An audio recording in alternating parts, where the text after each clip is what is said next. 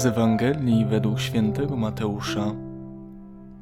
Jezus przemówił do tłumów i do swych uczniów tymi słowami: Na katedrze Mojżesza zasiedli uczeni w piśmie i faryzeusze.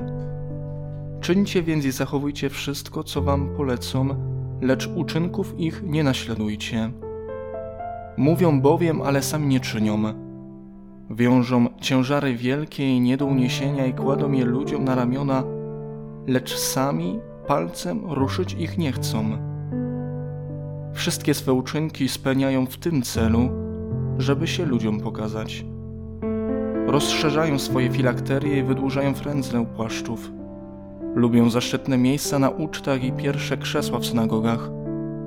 Chcą, by ich pozdrawiano na rynkach i żeby ludzie nazywali ich rabbi. A wy nie pozwalajcie nazywać się rabbi albowiem jeden jest wasz nauczyciel, a wy wszyscy jesteście braćmi. Nikogo też na ziemi nie nazywajcie waszym ojcem. Jeden bowiem jest ojciec wasz, ten w niebie.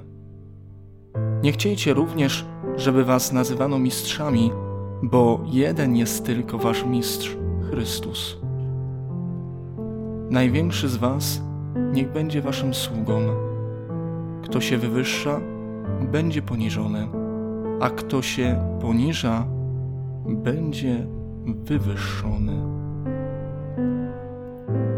W dzisiejszej Ewangelii Chrystus po raz kolejny przynosi nam dawkę rewolucyjnej nauki. Niech największy będzie sługą, czyli zarazem najmniejszym. Droga do Boga to droga pokory. Jest to element naszej wiary, którego nie można w żaden sposób przeskoczyć stanowi on jakby fundament. Bez pokory nigdy nie staniemy się prawdziwymi naśladowcami Chrystusa. Jezus dostrzegł brak pokory u faryzeuszy i ich obłudę, więc wypowiedział się surowo: Czyńcie, co wam polecą, ale uczynków ich nie naśladujcie. Jest to lekcja także dla nas. Oczywistym jest, że niektórzy duchowni w swoich wspólnotach niestety wprowadzają zgorszenie. Jednakże nie jest to powód, jak sądzą niektórzy, aby z Kościoła uciekać i obrażać się na Boga. Warto uświadomić sobie, że przecież nie jesteśmy tam dla nich, lecz dla Najwyższego oraz dla nas samych. Trzeba wiedzieć, że prawdziwi świadkowie Chrystusa w pokorze pozostają w cieniu. Zło natomiast zawsze jest w świetle reflektorów. Dlatego czasami może nam się wydawać, że cały Kościół jest już zepsuty. Nie jest tak. Trzeba więc zachować sobie zdrową postawę, przykazaną dziś przez Jezusa.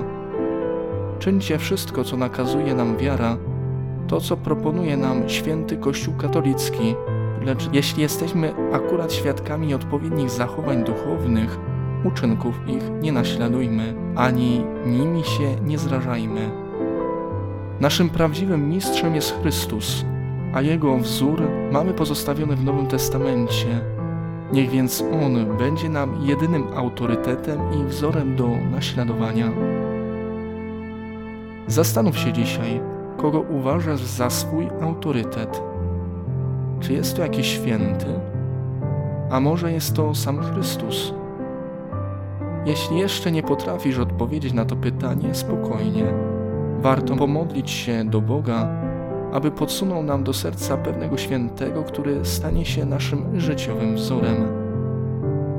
W tym tygodniu odśwież pamięć o swoim patronie od chrztu świętego lub bierzmowania, przeczytaj jego życiorys, a następnie pomódl się przez jego wstawiennictwo do Boga.